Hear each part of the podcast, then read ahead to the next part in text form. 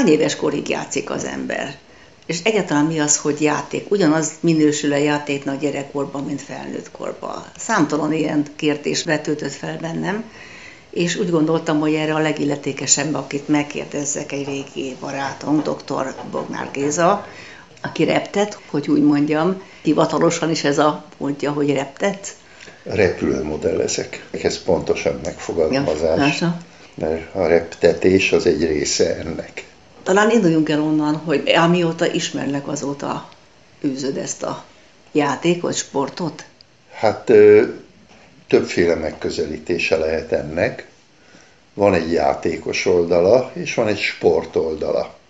És ez a játék, ez ugyanaz a játék, mint egy gyerekkorban a játék, vagy átalakul? Tekintve, hogy az én gyerekkorom már nagyon régen volt, azóta egy nagyon erős technológiai fejlődés zajlott le a világban, olyan anyagok és eszközök jelentek meg, amik hát 60 évvel ezelőtt nem léteztek. Nem ilyen szempontból gondoltam, hanem a te érzelmeidbe. Ugyanaz, feltétlen. Ugyanaz. Tehát felnőtt korban is ugyanolyan játék szenvedélye lehet az embernek? Persze, hát főleg amikor ugye én az a fajta modellező vagyok, aki magam készítem a repülőimet. Ez ma már a kisebbség. És amíg én reszelgetek, fúrok, faragok, én, én ugyanazt érzem. És ugyanazt a kétségbeesést, amikor nem úgy sikerül egy repülő, ahogy szeretném, és a harcmezőn rögtön elvérzik, akkor, akkor hát persze nagyon szomorú hmm. tudok lenni. És az elsőt mikor készítetted? Pontosan tudom, 1956-ban, amikor én 6 éves voltam, akkor egy építő szekrényből építettem egy úgynevezett Lurko nevű gumimotoros repülőgépet. Persze akkor ezt még apám segítségével, ez a gép persze nagyon primitív volt mai szemmel. Igen, tehát 1956-ban építettem, ennek a repülőnek a tervrajza még ma is megvan a tervrajzgyűjteményemben. És hát most folyamatosan építgetek. Akár bolondériának is tekinthető ez, mert házunkban van egy külön kis modellező szobám, és most ott 10-12 gép lóg a falon, és még az ideiglenes lakásunkban Budapesten is marad még két-három. Az, hogy te mérnök lettél, azt befolyásolta? Igen, nagyon befolyásolta. Tehát ugye akkoriban volt egy külön szakmai újsága a modellezőknek, ugye ez államilag nagyon támogatott tevékenység volt, és így volt lehetséges az, hogy akkoriban gyakorlatilag minden iskolában volt modellező szakkör, és a modellező tevékenységet koordináló szervezet az a Magyar Honvédelmi Szövetség volt és ennek volt egy modellező osztálya, és ez egy havilapot adott ki a modellezést. Ez a modellezés egy nagyon magas színvonalú szakmai lap volt, persze volt egy-két oldal ideológia benne, hát azt az ember átlapozta, és utána nagyon jó cikkeket lehetett olvasni, illetve ennek a folyóiratnak volt egy tervrajz melléklete minden hónapban, és ez, ez volt a, a döntő ok, ami miatt ezt a modellezők vásárolták és ugye én is, csak persze hát az életem során ezek elkallódtak, aztán most antikváriumból próbálom pótolni, mert ezek számomra nagyon érdekesek. De a kérdésedre visszatérve, hogy befolyásolta azt, hogy mérnök lettem, igen.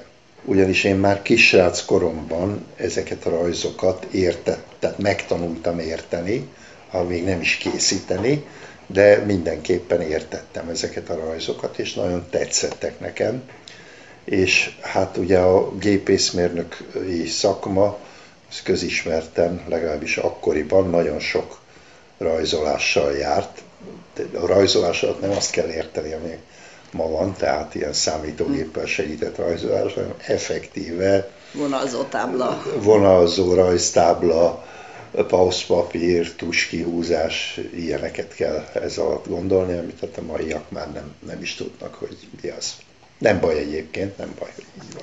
Szaknak az áramlástant választottad, tudatosan ez, ez ezért, tudat, tehát ez, ez hozta ez, akkor ez, már rögtön. Igen, tehát úgy választottam uh-huh. szakot, az áramlástan érdekelt engem. És ez már segített ahhoz, hogy a versenyezni kezdjél, vagy enélkül is versenyeztél nem, volna? Nem. A versenyzés az nem igazán jellemző rám.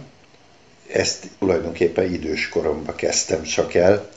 A modellezők által, legalábbis a szervezet modellezők által pejoratív módon hobbi modellezők közé tartozom. Én küzdök is ellene, hogy ez ne így legyen. Most úgy hívjuk hivatalosan a szövetségbe ezt, hogy szabadidős modellező. Tehát csak saját magadnak építetted, és saját magad mentél ki, kipróbálni. Igen, igen. Valójában Magyarországon elég megbízható mérés szerint 24 ezer modellező van. Akik nem Akik szövetségbe tömörülnek. Nem tagjai a szövetségnek. Uh-huh. Nem tagjai azért, mert nem kívánnak versenyeken részt venni. Igazán hobbiból csinálják. Igazán hobbiból. A szövetségi tagság ugye biztosítással is jár, ami nagyon fontos, anélkül nem lehet. A másik pedig ma már nem úgy van, mint a fiatal korunkban, hogy találtunk egy szabad területet és eldobtuk a repülőt ott. Nem. Ma a magyar légtérnek a használatát törvény szabályozza, és a törvény betartásáért a katonai légügyi hivatal a felelős. Milyen magasra repülnek ezek a gépek? Hát nézd, ezek tulajdonképpen majd, hogy nem bármilyen magasra, de a rádióirányítású gépek esetében a vizuális kontakt az nagyon fontos, mert hiszen anélkül nem, nem tudja az igen. ember vezetni. És akkor Sajnos, ez, ez mit jelent méterben? Ez az én esetemben 100 métert jelent, de a fiatalok meg a nálam szerencsésebb, idősebbek 4-500 méterre föl tudnak menni. Uh-huh. De van más kategóriája is a modellezésnek, tehát az úgynevezett FPV modellezés, az a First Pilot View, amit az első pilóta látna. Ez azt jelenti, nincs vizuális kontaktus a repülőgép és a modellező Tehát között. magyarul nem látod, hogy hol nem, a géped? Nem látom a repülőgépet, azonban a repülőben van egy kis kamera, és úgy látod a kamerának a képét, mintha te ülnél a vezető székben. Tehát nem látod a gépet, csak azt látod, amit ő lát. Igen. Igen. Ez nagyon Ez az FPV. Hogy még tovább cifrázzuk a dolgot, ami az FPV modellezésből nőtt ki, hogy ezek a repülőgépek GPS irányítással is el vannak látva. Ez esetben vakon tud menni a gép, tehát megmondod neki, hogy ilyen és ilyen földrajzi koordinátára menjen el, majd jöjjön vissza.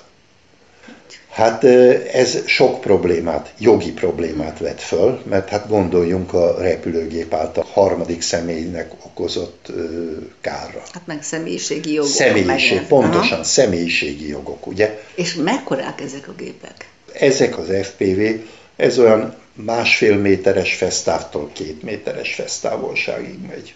És az alap a legegyszerűbb gépek? Hát... A hagyományos modellezőgépek? Tehát a hagyományosak között is vannak ilyen két méter körüliek, uh-huh. de mondjuk a fesztáv az csak az egyik jellemző, mert hogyha azt mondom, hogy 60 cm-es fesztáv, de ha ahhoz fél gram tömeg tartozik, fél gram, tehát egy kalmopirinnál kisebb tömeg, ez az ártéri modell, Erről beszéltem a kategória kimondása nélkül az imént, hogy 7-8-an művelik az országban. Egy lényeges kérdést kihagytunk, hogy tudod, hogy hány gépet építettél? Nagyságrendileg? Hát nagyságrendileg össze tudnám számolni, mondjuk évente egyet. Mondjuk így, de az utóbbi időben többet. De hogy mennyi időt vesz igénybe egy gép építése? Hát nézd, ez attól függ, hogy milyen fajta ez a repülőgép. Én ma a leginkább az úgynevezett antik modelleket szeretem, és ilyeneket építek. Antik modell a kategória nemzetközileg elismert szabályai szerint az a modell, amit 1951 előtt terveztek. Uh-huh. Na most ilyenből is többféle van. Én a úgynevezett eh, mechanikus motoros modelleknek a, az antik változatát építgetem. Uh-huh. Ezt én szeretem, mert azt gondolom, hogy az áramlástan 60 évvel, sőt 70 évvel ezelőtt is állt, is ugyanilyen volt, mint ma. Melyik a nagyobb élmény, építeni egy gépet, vagy repíteni? Tehát repíteni azért. De egy jó dolog az, az építés is. Hát ugye én manapság zömében magam tervezem a repülőimet. Hát azért is, mert a munkám folytán én egy ilyen 3D modellező, tervező szoftvert tanítottam évek, hát nagyon sokáig, hát többfélét is, de ez a SolidWorks, ez egy nagyon komoly modellező program. Mindezt a Gábor Dénes főiskolán. Hát a Műegyetemen és a Gábor Dénes főiskolán, igen. ahol most rektor helyettesként igen, igen, létezel. Igen. Na tehát ezt tanítottam hosszú éveken keresztül, és ezt használom fel a repülőmodellezésbe. Köszönöm szépen dr. Boknár Gézának, hogy beavatott minket ezekbe a titkokba, és ja. jó játszást kívánok továbbra is. Az iménti interjú két évvel ezelőtt készült. Beszélgetőtársam azóta befejezte az aktív munkáját, így aztán még több ideje marad repülőépítésre és reptetésre.